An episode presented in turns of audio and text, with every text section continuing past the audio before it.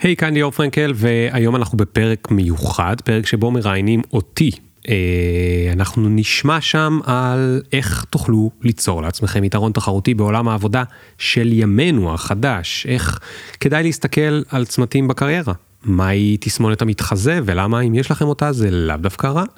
מה הגורמים שאנחנו בטעות מתעלמים מהם כשאנחנו בוחרים עבודה, לפקטורים שאנחנו לא חושבים עליהם, ומה כדאי לסטודנטים לעשות כדי להעלות את הסיכוי שלהם למצוא עבודה טובה. הפרק הזה הוא שידור של הקלטה מאוניברסיטת רייכמן, a.k.a IDC, לפודקאסט שנקרא הפודקאסט הלא רציונלי. בעיקרון הם הזמינו אותי לשם כדי לתת עצות קריירה לסטודנטים, אבל פרסתי שם הרבה מהאג'נדה הכי מעודכנת שלי לחיפוש קריירה בעולם החדש.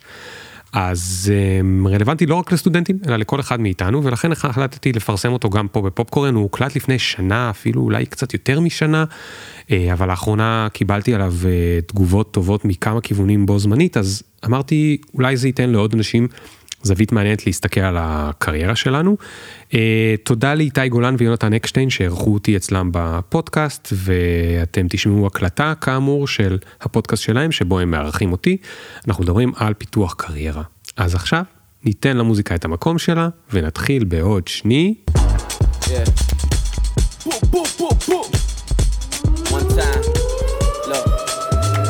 Ring the alarm, hot ass nigga, big ass head so my dreams get bigger, make campaign songs so my flows get sicker. מה יונתן, איך הגעת לעבודה הזאת? האמת, אה, סיפור אה, די מצחיק. אה, לפני איזה שנתיים בערך, משהו כזה, עבדתי כמדריך בהוסטל של נערים בסיכון, ממש פה בהרצליה. אתה יודע, עבודה תוך כדי הלימודים כזה. ככה פתאום משום מקום, ותכלס הרבה בזכות חברה שלי, קיבלתי איזשהו רעיון עבודה. התפקיד שהוציאו לי זה בעצם לנהל את הסטודל לריקוד הגדול בארץ. ככה גילוי נאות, אני גם רוקד ככה בזמני הפנוי. אבל אתה יודע, זה עבודה של גדולים כזה, ממש. אמ, כבר שהתכוננתי בעצם לרעיון, כזה די הבנתי שהתפקיד הזה די גדול עליי, אבל אמרתי לעצמי שאני מעדיף ללכת ולנסות מאשר, אמ, מאשר לא. ואיכשהו, מפה לשם התקבלתי. בתכל'ס זה מה שאני עושה היום. אמ, אבל נראה לי שמרגע שהתקבלתי, אני כל הזמן נמצא כזה במין אה, תחושה של... עוד מעט אני נכשל. זה עוד רגע הגיע, כאילו. אמ, אני די, אני לא בטוח בכלל שיש לי את הכישורים הנכונים לעשות את זה בצורה מספיק טובה. אמ, ותכלס אני די מרגיש שהעבודה עוד גדולה עליי בכמה מידות. אמ, ואולי אני אשמח כזה, אתה יודע, שתעזור לי גם להבין כזה ממש למה אני מרגיש ככה, גם קצת אולי להגדיל לי את המודעות כזה ו... ולפתוח לי את העיניים אולי בתחום הזה. אז על המיקרופון אה, יונתן אקשטיין, אז אני רוצה להגיד uh, תודה לאיתי גולן, לאור אבן חיים ולאניטה זורצ'ינסקי, אמ, שבזכותם הדבר הזה קורה היום. טוב, אז רגע, בוא אה, נציג אותך ונדבר עליך. אמ, אז ליאור פרנקל הוא יזם ואיש product. כיום הוא אה, VP product בסטארט-אפים אה, טכנולוגיים שונים. מאחוריו יש שלושה סטארט-אפים שהוא עצמו הקים. ממש עד לאחרונה הוא היה שותף ו-CPO בג'ולט. אה, לפני כן הוא הקים את ניו אה, סקול, ולפני כן הוא היה גם שותף וגם אה, CTO בחברת מובו. ליאור כותב ומרצה על יזמות וקריירה בעולם, H-Farm, Wired, TEDx. די פשוט למצוא אותך. יש לך גם בלוג וגם פודקאסט וגם קהילה שבנית, וספרים פופולריים מאוד שכתבת, שבעיקר עוסקים כמובן בבניית קריירה בעולם החדש, שגם על זה אנחנו נרחיב עוד ככה בהמשך הפרק. אמ, ופרויקטים, אמ, שלך הוזכרו בעצם במגזינים הכי גדולים אה, בעולם. אה, נגיד כמה שמות, אמ, The Next Web, First Company, הפינגטון פוסט ו-USA Today. קצת בעולמנו, אז אה, ליאור הוא בוגר תואר ראשון בהנדסת אלקטרוניקה מהטכניון, יש לו גם תואר שני בהיסטוריה, פילוסופיה של הרעיונות והמדעים מאוניברסיטת תל אביב. טוב, אז כדי, ממש ככה, כדי להתחיל בכיף, אה, אנחנו נעשה איזה משחק ככה שהוא שובר קרח. אה, ככה זה עובדה אמת, עובדה שקר עליך, לך על זה. אוקיי, okay, אז העובדה הראשונה היא שאני מאוד אוהב אספרסו, מאוד מאוד. אני מאלה שכאילו נוסעים לחו"ל, אני והבת זוג שלי, וכדי לשתות את האספרסו הנכון בבוקר, היא יכולה לסבול איתי הליכה של 27 דקות, כאילו, כדי להגיע למקום הנכון, אם אנחנו בעיר שבה אני יודע איפה יש את הזה, ובדרך היא תשנא אותי. אז uh, השתתפתי פעם בתחרות אספרסואים, הגעתי במקום uh, שני, אחרי ששתיתי 15 אספרסו בשעה.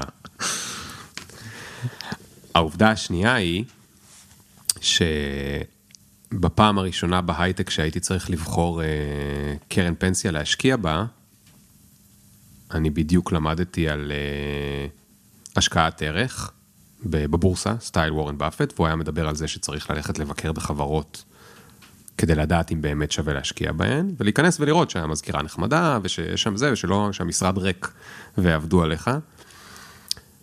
ורציתי לבחון את אה, הלמן אדובי, על דובי, שהם קרן פנסיה קטנה, אז נסעתי למשרד שלהם בפתח תקווה, דפקתי בדלת, והם לא הבינו מי ההזוי הזה שבא כאילו לשמוע על קרן פנסיה ב... בדלת.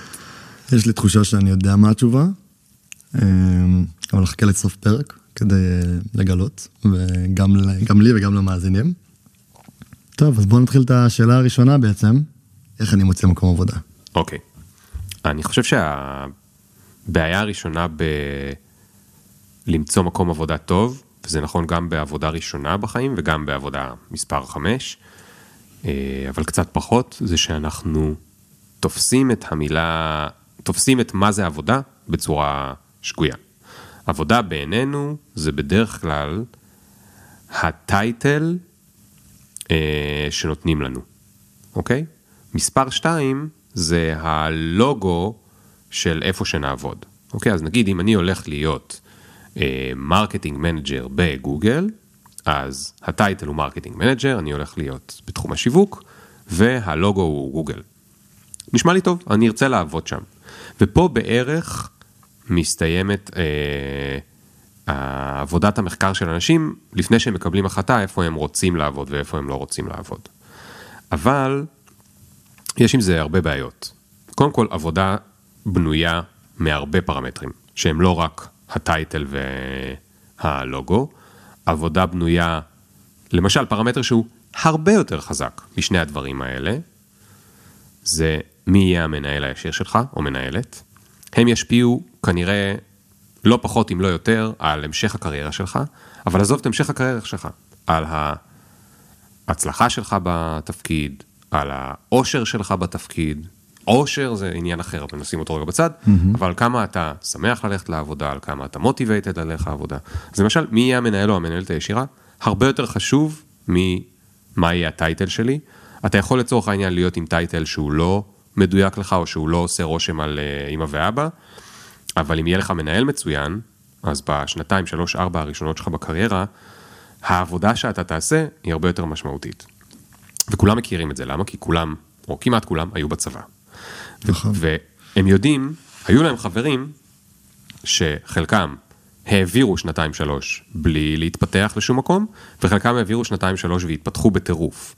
וזה בכלל לא משנה אם הם, הם עשו את זה בחיל המודיעין, כי גם בחיל המודיעין יש כאלה שלא התפתחו, כי היה להם צוות גרוע או מנהל גרוע וכולי, והיו כאלה שלא משנה, היו בקרבי או במקום אחר שלא קשור, אולי פחות קשור לעולם העבודה, אבל התפתחו בטירוף, כי היה להם מנהלת טובה או מנהל טוב, או, או צוות חזק. זאת אומרת, מה אני עושה, ב, מה אני עושה ביום-יום, הרבה יותר חשוב מאיזה טייטל יש לי, בטח בתחילת הקריירה. האם ביום-יום שלי אני מביא ערך, אני מצליח לייצר משהו, או, או לעשות משהו, לעשות עשייה שאני רואה שהיא, שהיא מתקדמת לאנשהו, אה, לעומת האם אני נמצא אולי עם טייטל מצוין בחברה מצוינת, אבל בתכלס אני מסתכל על עצמי אחרי חצי שנה או שנה ואני אומר, מה עשיתי פה? שום דבר. לא עשיתי שום אימפקט, לא הזזתי שום דבר, אפשר לדבר על דוגמאות קצת יותר ספציפיות כדי שזה לא יישמע מטא. זהו, כאילו... ת, תיקח אותי אם זה נשמע יותר מדי מטא, אז... אה, לא, זה, זה לגמרי כאילו בדיוק נראה לי הכיוון הבא שכזה, כאילו מן ה follow-up לשאלה. אז רגע, אז אני רק, אני רק אסיים רק עוד כמה פרמטרים שאנחנו צריכים... זהו, אז זה רציתי לשאול בדיוק על הפרמטרים. אוקיי, אז יש מי ינהל אותי, יש לאיזה צוות אני נכנס, אוקיי?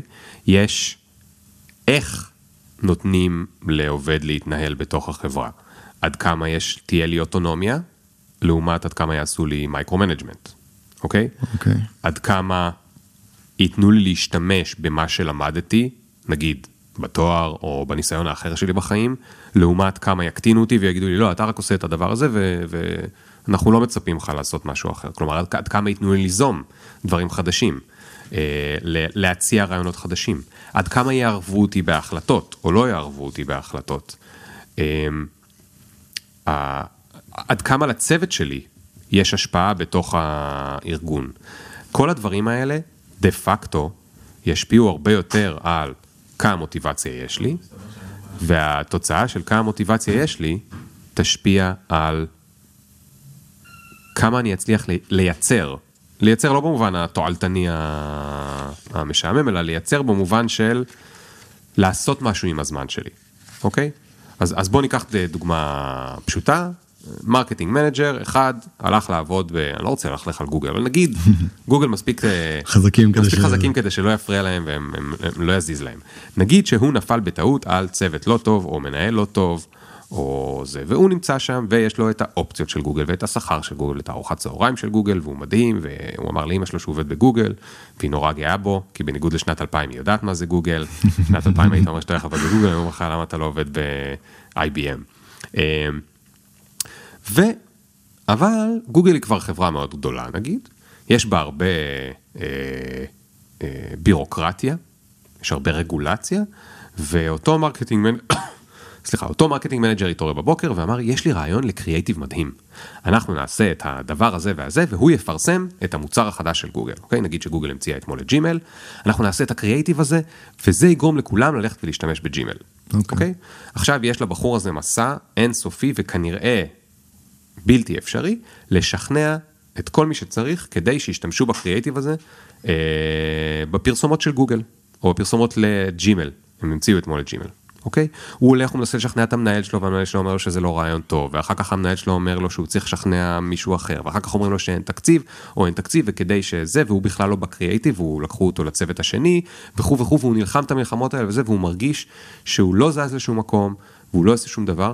עוברים חודשיים, הוא עושה איזושהי עבודה לא מעניינת שאותו לא מעניינת, ואת הרעיון הזה שלו הוא לא מצליח לקדם לשום מקום, אוקיי? marketing manager אחר, הלך לעבוד בחברת יוסי ובניו, הוא לא התקבל, אפילו לסטארט-אפ הוא לא התקבל, אוקיי? הוא התקבל לסתם חברה שנקראת יוסי ובניו, אוקיי? אוקיי? הוא קיבל, הוא התקבל לסטודיו לריקוד שלך. אוקיי. אבל שם הוא ה marketing manager הראשון.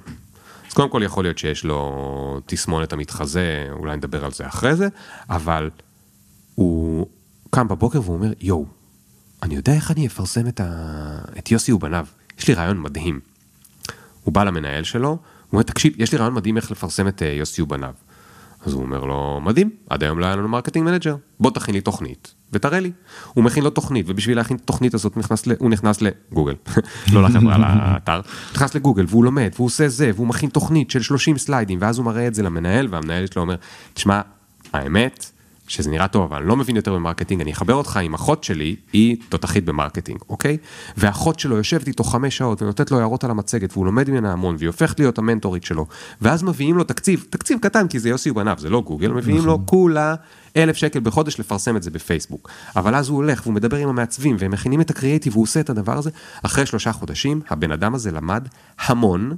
מבחינת הקריירה שלו, מבחינת האושר שלו, מבחינת המוטיבציה שלו, מבחינת מה שהוא מסתכל על עצמו, כמה הוא השיג, הוא במקום הרבה הרבה הרבה הרבה יותר טוב מההוא מגוגל. עכשיו, קרה המקרה ובאותו יום הייתה סערת מזל רע ופיטרו את שניהם, בדיוק אחרי שלושה חודשים. עכשיו שניהם צריכים למצוא עבודה חדשה. עכשיו, ההוא יותר קל לו, כי רשום לו קודם שהוא עשה גוגל, אבל הוא בא לרעיונות עבודה ושואלים אותו מה עשית. הוא מגמגם, הוא אומר, אה, היה לי איזה רעיון, לא נתנו לי, לא, לא, לא, לא. לא. ההוא מיוסי בניו בקושי מצליח להשיג רעיון אחד, כי מי רוצה לראיין מישהו מיוסי בניו?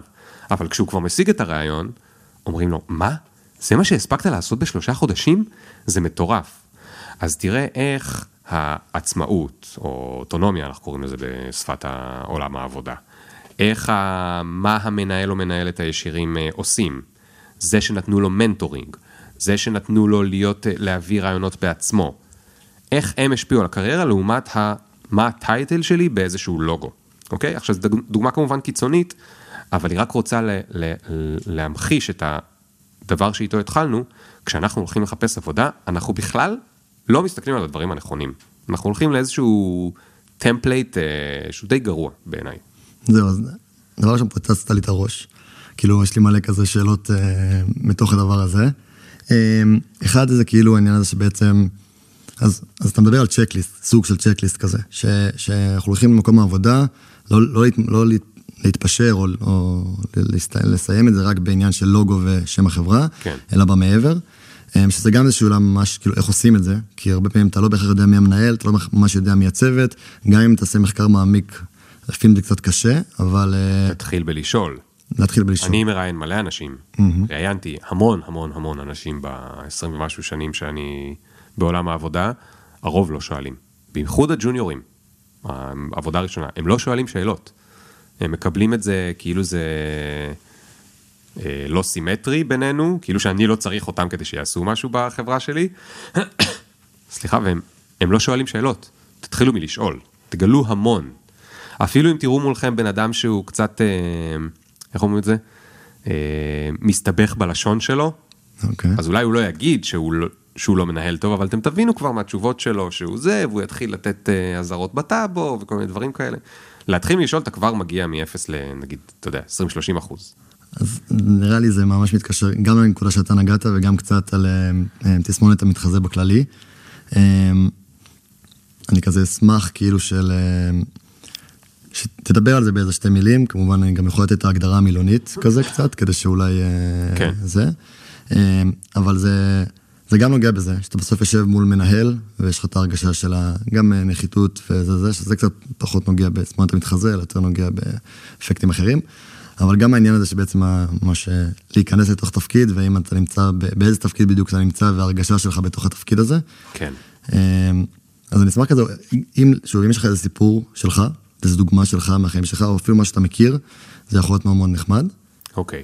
אז קודם כל, מאוד בקצרה, תסמונת המתחזה מדברת על זה שאני מגיע לאיזשהו מקום עבודה, התקבלתי כבר, ועכשיו אני מרגיש שהם קיבלו אותי בטעות, שהם נותנים לי את האחריות הזאת בטעות, אני לא מספיק טוב. אני לא מספיק טוב, או ביחס לאחרים, או ביחס לתפקיד שאליו קיבלו אותי, והביטחון שלי יורד, ואני חרד, ואני מפחד כל הזמן שיעלו עליי. במקרה הקיצוני, ואני מכיר את זה, היו לי גם עובדים כאלה, אני מפחד שיפטרו אותי. אני קם בבוקר, הולך לעבודה ואני אומר, היום יפטרו אותי, היום יעלו עליי. הם נתנו לי להיות marketing manager, היום יבינו שאני לא יודע מה עושה marketing manager. היום יעלו עליי, היום יראו את העבודה שלי והם יבינו שאני לא עושה עבודה טובה.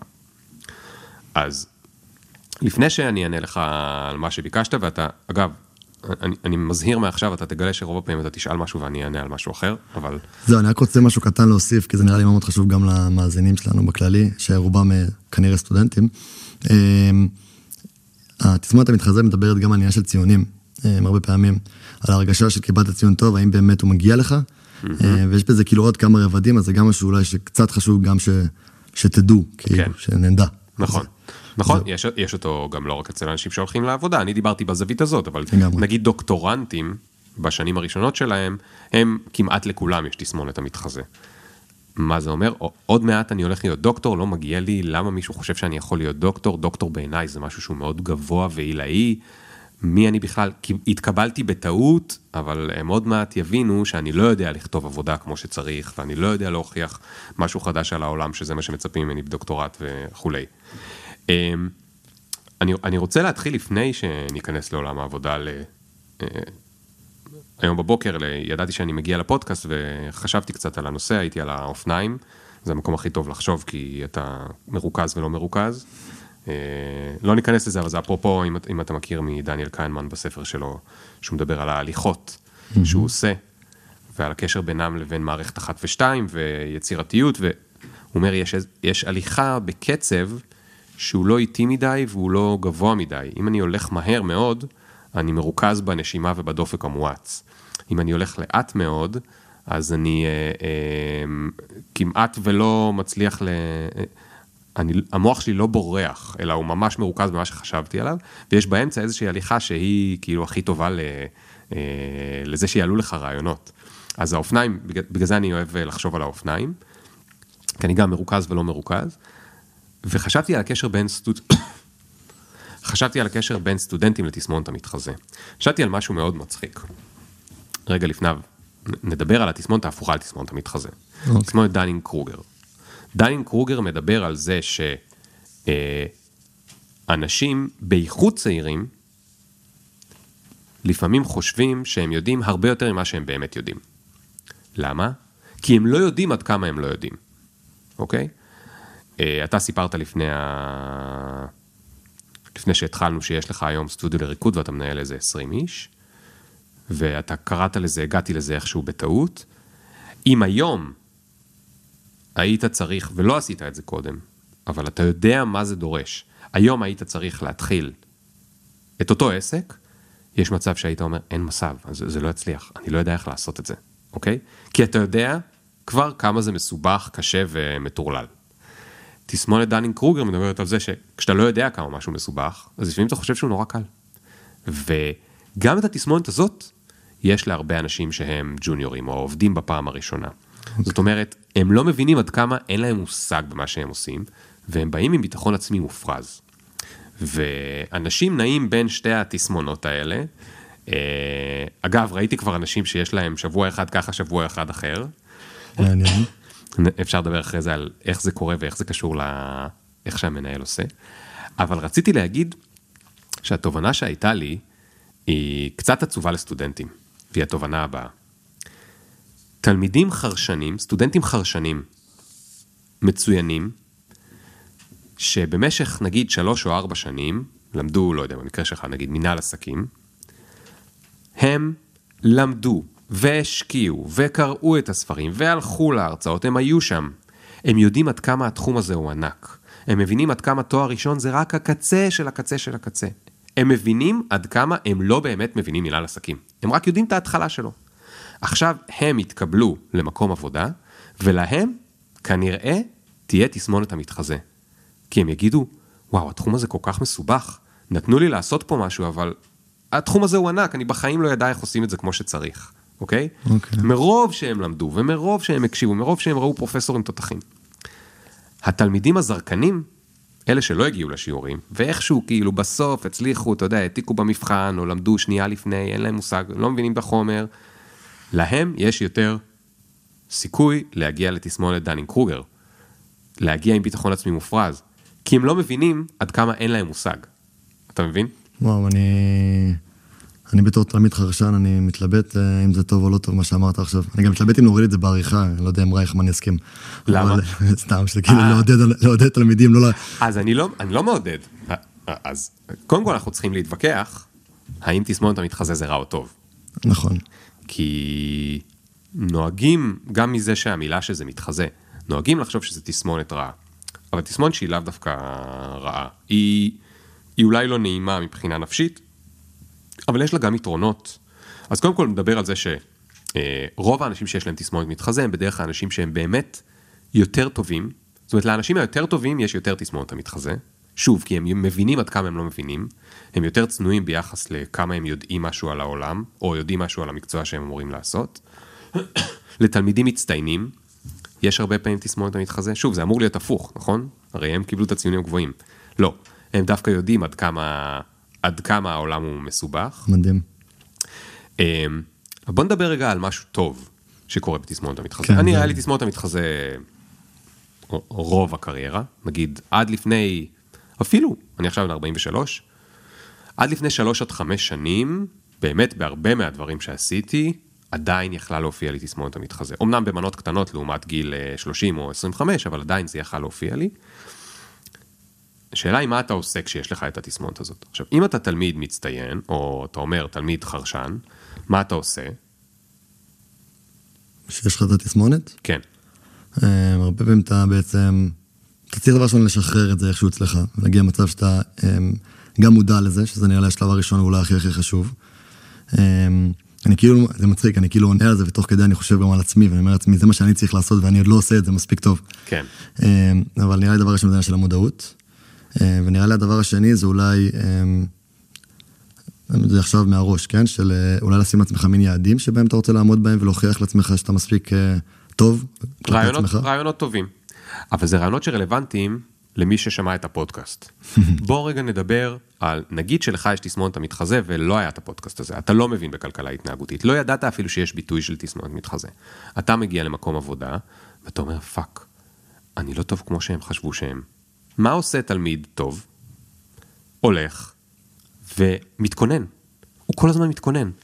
הוא אומר, יואו, אני, מחר יש לי את המצגת הזאת לבוס, אני לא יודע לעשות את זה, אוקיי? בחור עם דנינג קרוגר, פשוט הולך לראות כדורגל, קצת טיק טוק, נרדם, קם מהשעון המעורר בפעם התשיעית בתשע, תשע וחצי הוא במשרד, עושה את המצגת שלו וכולי. מה עושה מישהו שיש לו תסמונת המתחזה? יכול להיות שהוא לא ישן כל הלילה והוא עובד על המצגת. עכשיו, קודם כל, המצגת שלו תהיה כמעט תמיד באמת יותר טובה. זהו, זו שאלה מתבקשת, כאילו, שאלה מתבקשת זה כאילו, בסוף, כאילו, מי... אתה יודע, שניהם, שניהם מגיעים, הם אפילו באותו תפקיד, הם אותו, כן. כי הרבה פעמים זה קורה שאתה כן. נמצא עם איזה קולגה, כן. ו... ואז אתה מגיע למנהל, ואתה יודע שמה שהוא עשה, הקולגה שלך הוא, הוא לא השקיע, או הרבה פחות השקיע ממך, אז כאילו, איך אתה מצליח ל... בוא נגיד שאתם באותה, נעשה השוואה טובה לצורך ניסוי, אתם באותה רמת אינטליגנציה ואתם באותה רמת ניסיון. אוקיי. Okay. אוקיי? Okay? אני אומר, לך יש פער משמעותי יותר טוב, כי אתה השקעת שמונה שעות יותר במצגת. לכן אתה שמונה שעות יותר מוכן לשאלות, שמונה שעות יותר עבדת על שקפים שהם יותר יפים, שמונה שעות יותר uh, חשבת מה הוא יגיד לך ואיך תענה לו. אתה מוכן הרבה הרבה הרבה הרבה יותר טוב. עכשיו, אני טוען, אין לי על זה מחקר שראיתי או קראתי, אבל אני יודע להגיד לך מניסיוני, ומניסיוני עם עובדים שלי, שהיה להם תסמונת המתחזה וזה מאוד קל לראות, שבסוף התוצרים שלהם באמת היו הרבה, הרבה פעמים יותר טובים, כי הם היו מתכוננים הרבה יותר מהלחץ שיעלו עליהם, mm-hmm. אוקיי? אז נפשית זה לא נעים, וגם יש משמעות לבעיית ביטחון, ואפשר לדבר על זה עוד מעט אם רוצים בנפרד, אבל אה, אבסולוטית מבחינת התוצר שהם הביאו, זה היה תוצר יותר מושקע, כי הם פשוט השקיעו יותר. עכשיו, מה שקורה, זה שאתה משקיע פה עוד שמונה שעות, פה עוד ארבע שעות, פה עוד שמונה שעות, פה עוד ארבע שעות, אחרי שנה או שנתיים, יש לך פער אמיתי. אתה בשנה, שנתיים האלה, עבדת או למדת או התפתחת באמת יותר טוב מאשר, מאשר הבחור הקול השני, כי, אתה, כי, כי, כי, כי כל הזמן חשבת שיעלו עליך, וכל הזמן אה, התפתחת. ואז יש שתי אופציות. אופציה אחת, שאתה ממשיך להתחרות עם הבחור ההוא על אותם משרות ועל אותם מקומות, ואתה באמת יותר טוב. כי אתה באמת, אה, אה, אפילו אם עדיין יש לך תסמונת המתחזה, זה לא משנה, זה נשאיר רגע mm-hmm. לפסיכולוג, אתה באמת יותר טוב. אתה עבדת יותר קשה, אתה למדת הרבה יותר, התכוננת הרבה יותר כל הזמן, אתה באמת יותר טוב. אלא מה העניין? Okay. אוקיי. שמכיוון שלמדת הרבה יותר והיית יותר טוב, יש מצב טוב שהמציאות כבר נתנה לך פידבק חזרה. או הבוס שלך, או שהעלו לך את המשכורת, או שקידמו אותך, ומה שקורה לך זה שאתה עכשיו רוצה לכוון כבר יותר גבוה. אתה מכוון יותר גבוה. יותר גבוה מהבחור הקול, כן? אנחנו כן. משווים אליו עדיין. כן, אתה מכוון יותר גבוה, ו... אתה שוב מגיע לתזמונת המתחזה, אוקיי? ששוב, זה הבעיה של אנשים, בעיה במרכאות, כי אפשר להתווכח אם זה בעיה או לא, שאנשים שהם טובים, אנשים שהם סטודנטים טובים, הם כל הזמן יכוונו יותר ויותר גבוה, ולכן הם משחזרים לעצמם את תסמונת המתחזה, כי עכשיו יש מקום שהרמה בו יותר גבוהה, מצפים ממני ציפיות יותר גבוהות, ושוב אני מגיע למקום שאני אומר, אוקיי, כבר הסתדרתי קודם, אבל עכשיו עוד פעם יעלו עליי שאני לא יכול להיות, עכשיו אני VP כבר, שיט, יעלו עליי שאני לא יכול להיות VP. וואי, נתנו לי C-Level, מישהו, מישהו תכף יסתכל ויגיד לי, מי נתן לו C-Level? מי נתן לו להיות CFO או CMO או whatever? אוקיי, אני רוצה לקחת אותם לכיוון של הרגשות רגע, אה, ולדבר גם על ביטחון אולי קצת, וגם אה, בכללי רגע לגעת בזה. אה, גם מקודם קצת כזה שאלנו על איך להרגיש טוב בעבודה, אבל יש לי איזה משהו קטן שכזה ראיתי, כאילו, זה אג'נדה שלך, או זה ש, שמאוד אהבתי, של העניין של לדעת להסתכל על כל מקום שאתה מגיע כמקום לימוד. ואני גם מקשר את זה לרגשות הרבה פעמים, כי לפחות ככה אני, אני מאוד מתחבר לזה בפן האישי, אני מאוד כזה, ואני גם מתחבר את זה הרבה פעמים לרגשות, וגם לתחושת הכיף במקום שאתה מגיע אליו, שוב, אנחנו מדברים רגע על עבודה, אז נדבר, נמשיך לדבר על זה. הייתי שמח לשמוע קצת יותר על זה, קצת יותר... אוקיי, okay. אז קודם כל נתחיל בקישור לכלכלה התנהגותית. Mm-hmm. הביטוי הוא framing. נכון? זה ביטוי מאוד מאוד חזק בכלכלה התנהגותית, שמדבר על איך הקונטקסט שבו אתה רואה את הדברים ומקבל את הדברים, גורם לך uh, לשפוט אותם בצורה אחרת. ויש אין סוף ניסויים ודוגמאות, אבל ניקח משהו שהוא uh, uh, מפגר, נגיד אתה מגיע למסעדה, ואתה, הדבר הראשון למעלה יש כזה במסגרת כזאת רשום הספיישל שלנו היום, סטייק, 200 גרם, 220 שקל. אתה אומר, וואי, זה ממש יקר. אתה ממשיך לקרוא וזה, אתה אומר, אתה רואה פסטה, 72 שקל. אתה אומר, וואו, יאללה, אני לוקח את הפסטה, אני לא אגזים, לא קיבלתי היום בונוס, נלך על הפסטה. אבל יכול להיות שהיית מגיע למסעדה אחרת, ושם היה רשום למעלה צ'יפס 14, אה, מנת אורז ב-42, פסטה 72. והיית אומר, בואנה, 72 שקל לפסטה זה מה זה מוגזם. כולה פסטה, אני מכין את זה, כאילו הכנתי את זה שהייתי סטודנט בבית, מה הם רוצים 72 שקל לפסטה, נכון? נכון. אז מה, מה עשו לי? עשו לי, זה נקרא אנקורינג. בראשון, נתנו לי דבר ראשון לראות מחיר מאוד גבוה לאיזשהו מוצר שכנראה כמעט אף אחד לא יקנה אותו, אבל כולם יהיו מוכנים לשלם על פסטה 72, כי הדבר הראשון שהם ראו זה 220 שקל, אוקיי? בשני, כמעט אף אחד לא יקנה פסטה ב-72, כי זה ייראה מוגזם וחזירי וזה. עכשיו, אותו מחיר על פסטה, פה קראנו להם חזירים, ופה חשבנו שעשינו דיל. זה העניין של framing. עכשיו נחזור למה שדיברת עליו. אני מאוד מאמין ב framing, ב... מה זה אני? כלכלה התנהגותית מראה לנו, שכולנו, mm-hmm. כבני אדם, אנחנו, מאמין, אנחנו עובדים עם framing. מה אנחנו יכולים ללמוד? שאם נשנה לעצמנו את ה framing, אנחנו יכולים לשפר לעצמנו את, ה, את ההרגשה, אוקיי? אחד מהפריימינגים שאני מאוד מאוד אוהב להשתמש בהם, זה שאנחנו כל הזמן נמצאים בלימודים. אני מסתכל על עולם העבודה כעוד עולם של לימודים. למה? אני איש סקרן, אני אוהב ללמוד, זה מענה אותי ללמוד, זה גם נחמד. לימודים זה מקום, זה מקום שנחשב מקום עם מעט סיכונים. אוקיי, נכשלתי, אז אני יכול לעשות מועד ב', ממש לא הצלחתי, אני אעשה את הקורס עוד פעם. אה, זה לא שיפטרו אותי, זה לא שמישהו אה, יצעק עליי, מותר לי להיכשל, זה לא נעים, אבל מותר לי להיכשל. אה, זה לא שיורידו לי במשכורת או משהו כזה. אני מסתכל הרבה פעמים על עולם העבודה כעל עולם לימודים. מה, מה הכוונה? אני אומר, לוקחים אותי לעשות משהו שעוד לא עשיתי, הרבה פעמים. או שעשיתי כמוהו, אבל לא עשיתי כמוהו נגיד בתעשייה הזאת, אוקיי? נגיד הייתי marketing manager בתעשיית tech, ועכשיו הצלחתי להתקבל לתעשיית הגיימינג. אני הולך לעשות marketing manager בתעשייה שאני לא מכיר. אז אני הולך ללמוד לעשות משהו חדש, ומשלמים לי שכר כדי לבוא ללמוד, נכון? נכון. למה? כי בסוף, אוקיי, עשיתי ניסוי שם ב marketing, הניסוי לא הצליח. לא מפטרים אותי כי הניסוי לא הצליח, כולם יודעים שזה ניסוי, נכון? נכון. השקענו קצת כסף, לא הלך, בסדר, ננסה משהו אחר, נשקיע קצת כסף, לא הלך. בסוף ילך, נשקיע על זה הרבה כסף, מדהים, למדתי משהו, החברה למדה משהו. זאת אומרת, כל הזמן משלמים לי כסף כדי ללמוד, באמת, כדי שיפטרו אותי, אני צריך לעשות משהו קיצוני כמו כדי שיזרקו אותי מהתואר. צריך או לפשל 400 פעם ברצף, או זה, אבל זה קיצוני, זאת אומרת, לא מפטרים מישהו על איזושהי טעות קטנה. בייחוד לא היום. מפטרים מישהו רק על טעויות מאוד מאוד גדולות, או טעויות, הרבה טעויות שנמשכות לאורך זמן. כשאני מסתכל על מקום עבודה, כמו על מקום לימודים, זה אחלה framing. זה framing שקודם כל מעודד אותי, באמת, להיות קצת יותר אמיץ, וזה framing שמוריד לי את הלחץ. הוא מוריד לי את הלחץ, אני לא כל הזמן חושב איך אני מוכיח להם שאני יודע לעשות את זה, אלא אני פה כדי ללמוד. אני פה כדי ללמוד, אני פה כדי ללמוד מהבוסים שלי, או ממנטורים, אני פה כדי ללמוד מהקולגות, כמו שבתואר אני לומד עם חבר'ה ביחד למבחן, mm-hmm. אני פה כדי ללמוד, ומשלמים לי על זה כסף. זה nice, לא? פתאום זה כיף ללכת לעבודה. אמ, אז זו דוגמה טובה גם ל framing וגם למה שהתייחסת אליו. הרבה פעמים, אה, אני אומר את זה, אגב, גם כשאני מדבר עם אה, מנהלים או מנהלים בכירים, אני שם להם את ה framing הזה. פתאום אתה רואה ש...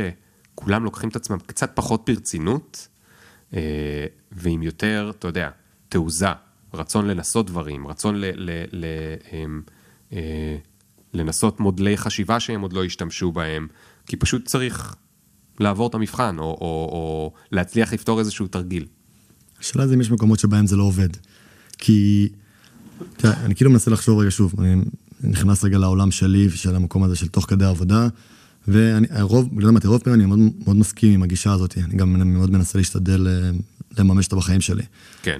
אבל שנייה לפני, כאילו, לא, זה לא רק על שיפטרו אותך, זה לא רק הפחד הזה בעבודה. כן. יש גם את הפחד שיחשבו שאתה לא מוצלח, שלא יאהבו את מה שאתה עושה, אה, שהסביבה שלך לא תעריך אותך, או אפילו, הרבה פעמים זה גם סביב המנהלים שלך. אז כאילו, אתה יודע, זה המקום הזה, כשאתה סטודנט ויש לך 300 או 120 אנשים בכיתה, יש הבדל מאוד מאוד גדול לבין אם אתה אחד מתוך נכון. השלושה מנהלים נכון. היחידים שיש. נכון. אז קודם כל, זה אנלוגיה ואתה יכול להשתמש בה, ככל שאתה רוצה, בכל אנלוגיה אפשר למצוא דברים שהם לא אה, אה, מושלמים. אני גם יכול להגיד לך שאם אתה, המקצוע שלך הוא דוקטור, אז כנראה שלא כדאי לך להסתכל ככה. לא כדאי לך לשים את ה framing הזה, כי שם הטעויות באמת יכולות להיות אה, קטלניות. דוקטור או טכנאי מטוסים, אוקיי? אני מדבר יותר על מקצועות חופשיים, אה, כמו רוב המקצועות שלומדים, אה, נגיד פה ב, אה, במוסד הזה. אבל אני עדיין חושב שבלית ברירה אתה נאלץ להגיע לשם. בוא נסתכל רגע על האלטרנטיבה. מה האלטרנטיבה? נגיד שאני לא מסתכל על זה כמו לימודים, ואני באמת מסתכל על עבודה רק כעבודה. ואני מפחד שיפטרו אותי, אבל לא רק זה, כמו שאתה אומר, אני מפחד, אני, איך מסתכלים עליי, מה אני אעשה. ועכשיו יש לך שתי אופציות, לקחת סיכונים או לא לקחת סיכונים. אתה יכול להגיד, אני לא לוקח סיכונים, אני, עושה, אני הולך רק על בטוח, אוקיי? אני עושה רק את מה שעבד לי פעם אחת, או מה שעבד למי שהיה קודמי בתפקיד. בדיוק את אותו דבר. האם זה מישהו שלדעתך יצליח, יקדמו אותו, יצליח לבלוט? לא, נכון, זה שלא. רגרסיה לממוצע. נכון. זה בדיוק בגלל זה יש את הביטוי הזה, זאת אומרת, גם אם במזל הלך לו איזה פעם, בלעשות את הדבר הזה כמו כולם, הוא פשוט יהפוך להיות משהו אפור שאף אחד לא יראה אותו. אז בכל אופן, כדאי לך, משתלם לך בטווח הארוך, לקחת קצת סיכונים, לנסות מדי פעם, יכול להיות שלא כל יום, כל היום, אוקיי? אתה לא יזם, אתה בסוף עובד איפשהו, עובד איפשהו, ויש לך ציפיות, אבל יכול להיות שנגיד אה, 20% מהזמן, אתה תנסה לעשות דברים קצת אחרת, אתה תנסה לקחת יותר סיכונים, ובכך יש לך יותר סיכוי שאחת ל אתה תעשה איזשהו שלאגר ויגידו וואו. אני לוקח אותנו לכיוון אחר, קצת. אה, אנחנו גם די מתקרבים לסיום אה, שלנו. אה, יש שתי נקודות שאני רוצה כזה לדבר עליהן, ותבחר נקודה. הנקודה הראשונה זה לדבר רגע בעצם על שוק העבודה ועל השינויים. על המצב היום קצת, כי זה משהו שמעסיק אותנו מאוד, הצעירים.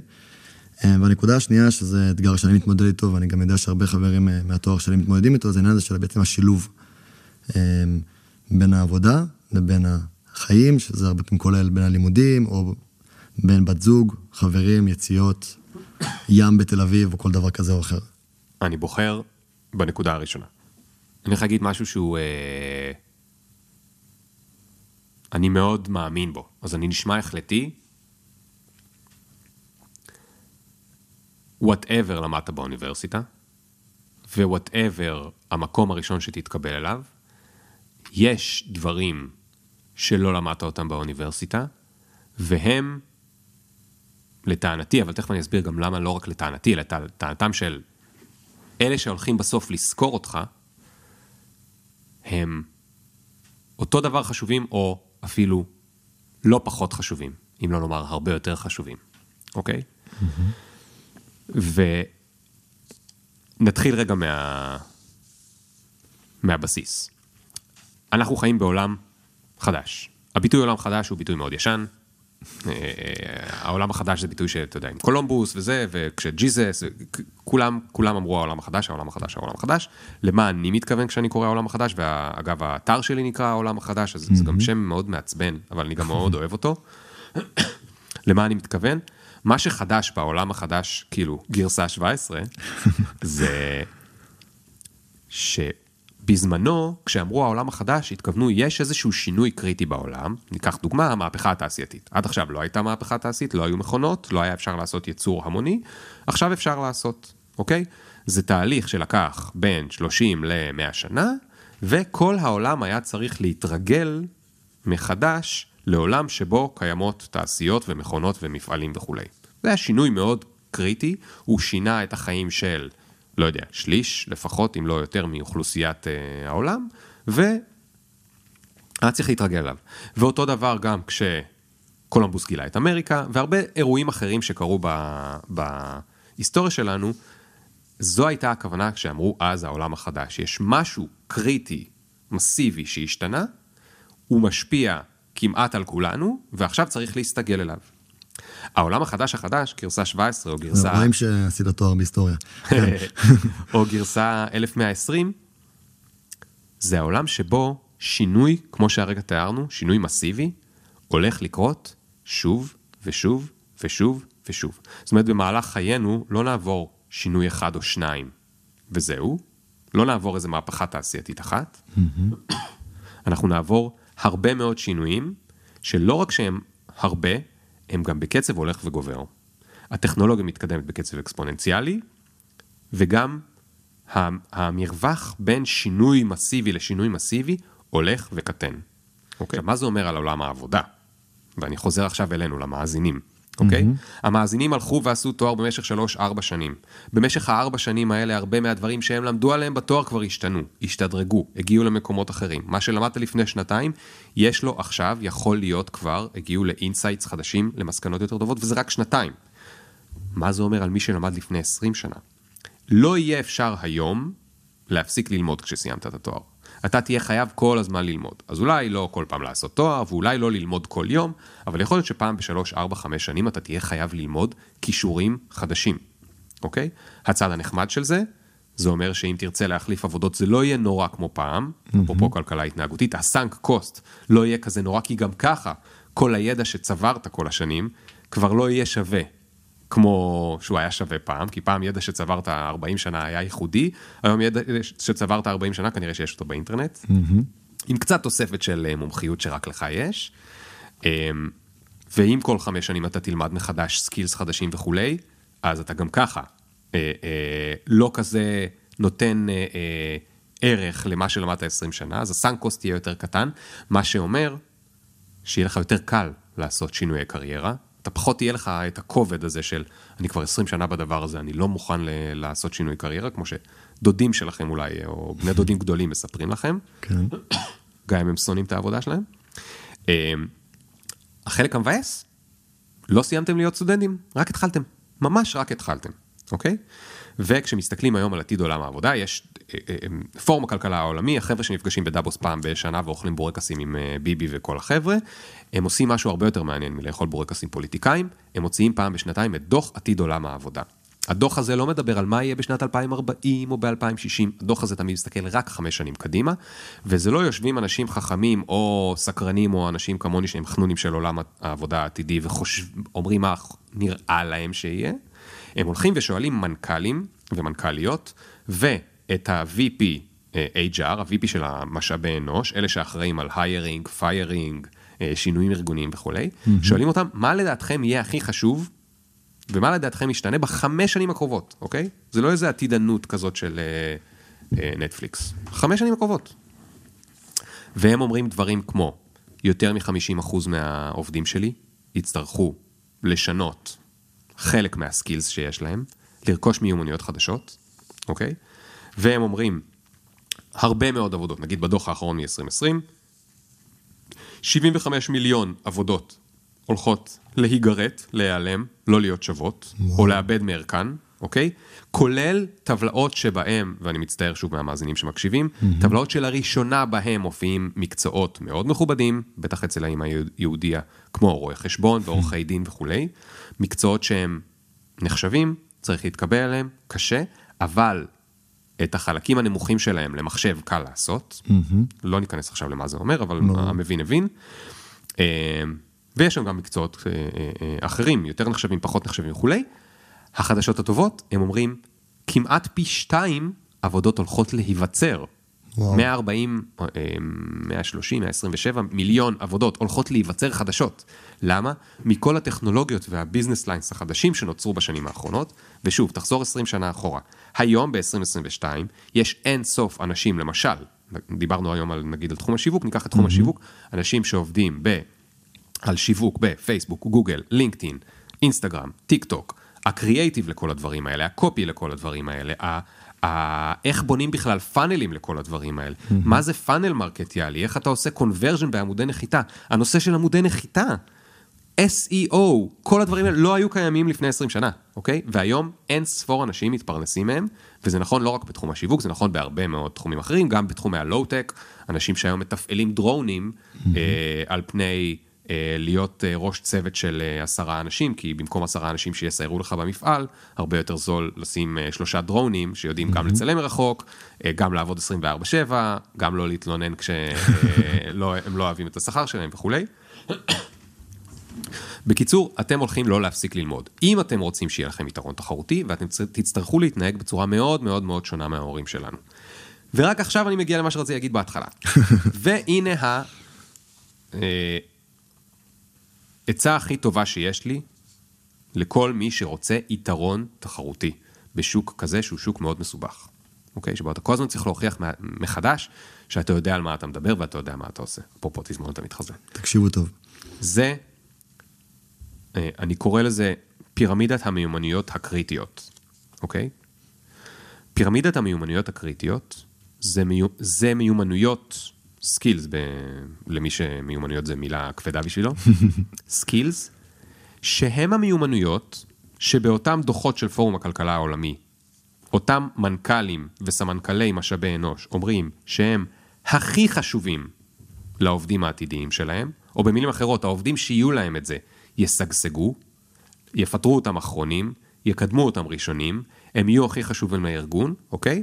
ואני לא הולך להגיד עכשיו לא מתכנתים ולא מעצבים ולא כל מיני מקצועות, אלא אני מדבר על מיומנויות שפעם קראו להם soft skills, היום קוראים להם power skills, אוקיי?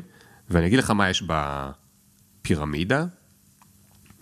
חוסן, זה הבלוק הראשון למטה. אתה תוכל גם לשים, אם אתה רוצה, יש לך שם אה, לשים את התמונה. חוסן, שזה היכולת להתמודד עם שינויים ומצבים מורכבים, כי בעולם העבודה הנוכחי, וזה שוב, מאזינים לזה סטודנטים, אם היו מאזינים לזה אנשים שכבר בעולם העבודה 5 עד 20 שנה, הם היו יודעים בדיוק על מה אני מדבר.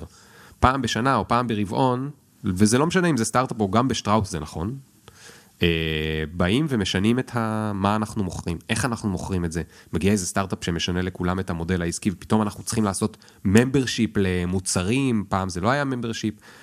אתה צריך שיבואו ויגידו לך, אחי, מהיום הכל השתנה, ולא להתעלף מזה, כי אפרופו כלכלה התנהגותית, האינסטינקט שלנו כשבאים עם שינוי זה להתנגד. אנחנו מאוד שונאים שינוי. הבלוק הבא זה התמודדות עם לחץ ועומס. זה הבלוק שנוגע לשאלה השנייה ששאלת אותי, על איזון חיים עבודה. אנחנו נמצאים במקום מאוד מאוד מאוד מאוד מסובך מבחינת איזון חיים עבודה, מאוד קשה להשיג אותו. מה שאני אוחז עכשיו ביד שלי סמארטפון, זה אומר שהעבודה איתי 24/7, לא משנה אם אני עובד רימוט, לא עובד רימוט, פוטנציאלית הבוס שלי יכול להשיג אותי 24/7, אני עשוי או עלול, תלוי מי אתה, להיות זמין 24/7. אה, בזכות הטכנולוגיה, כמות הידע והמידע שיש לי כדי לקחת החלטות בעבודה היא אינסופית. אני נמצא בהמון, בקבלת החלטות אינסופית, שזה משהו שגם כלכלה התנהגותית מעמיס לי על המוח, אנשים שונאים לקבל החלטות, אבל הם צריכים לקבל הרבה יותר החלטות היום, במשך היום ובמשך החודש. מה שאומר שהעומס עליי הוא מאוד מאוד מאוד גבוה, בתוך כל זה אני צריך לתפקד. אז התמודדות עם לחץ ועומס זה הבלוק השני. הבא בתור זה גמישות מחשבתית, growth mindset, אני בטוח שיהיה לך על זה פרק, אז אני נעשה כבר טיזר או ספוילר. הבא בתור זה למידה אקטיבית. למידה אקטיבית זה אומר היכולת שלי, נתנו לי בעיה שאף פעם לא נתנו לי קודם, או שאף פעם לא הייתה לחברה שלנו קודם, וגם אין לי מילי ללמוד, ואני צריך להבין כמה וממי ומה אני צריך עכשיו ללמוד, בין אם זה לקרוא בלוג פוסט של עשר דקות, ובין אם זה אני צריך לקחת עכשיו קורס של שלושה חודשים, כדי להצליח לפתור את הבעיה הזאת בתוך העבודה. אוקיי? נתנו לי משימה שאף פעם לא נתנו לי קודם. הבא בתור זה יצירתיות וחשיבה ביקורתית, לא צריך להסביר אה, למה זה חשוב. הבא בתור זה תקשורת בין אישית ואינטליגנציה רגשית. למה? כי אם יש לי את כל מה שאמרנו עד עכשיו, אז אני צריך לדעת איך לעשות את זה עם הקולגות שלי, עם המנהלים שלי ועם אנשים אחרים בארגון שאני רוצה להוביל איתם פרויקטים. כמעט אחרון זה הובלה ללא מרות ומנהיגות, אוקיי? ולמעלה יש חדשנות. ארגונים היום חייבים, בייחוד ארגונים שהם לא סטארט-אפים, חייבים להביא חדשנות לתוך הארגון. הסיבה שהדברים האלה נמצאים בפירמידה, זה בגלל שארגונים כל היום מחפשים חדשנות. ואני יוצא לפגוש מלא, אתה יודע, אינטל, מייקרוסופט, חברת חשמל, תעשייה אווירית, ארגונים מכל מיני סוגים ו- ואפשר לסווג אותם עד כמה הם עולם חדש או לא. הם כולם רוצים חדשנות בארגון. אבל מה הבעיה? שאי אפשר לעשות חדשנות אם אתה לא יודע כשיש לך רעיון איך למכור אותו לאחרים ולעבור את הפוליטיקה הארגונית.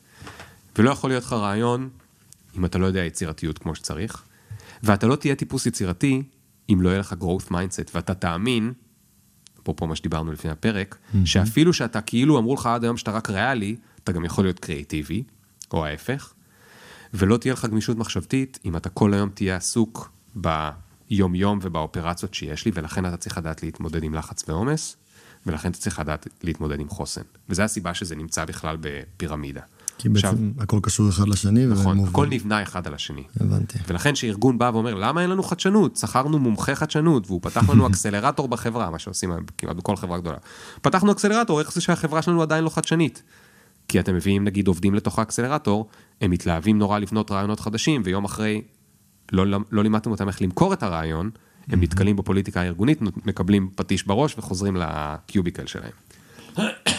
אבל עזוב רגע את זה שזה בפירמידה, הרבה יותר חשוב למאזינים, בנקודת זמן הנוכחית שלהם, אה, שזה אחרי, ה... לקראת עולם העבודה, זה לא העניין שזה פירמידה, אלא אלה מיומנויות, שאם יהיו לכם אותן, יהיה לכם יתרון תחרותי משמעותי בשוק העבודה, אל מול מישהו אחר שאולי קיבל ציונים קצת יותר טובים, או אולי הוא מתכנת קצת פחות טוב או יותר טוב, הוא איש תקשורת קצת פחות טוב או יותר טוב, אבל אין לו את המיומנויות האלה.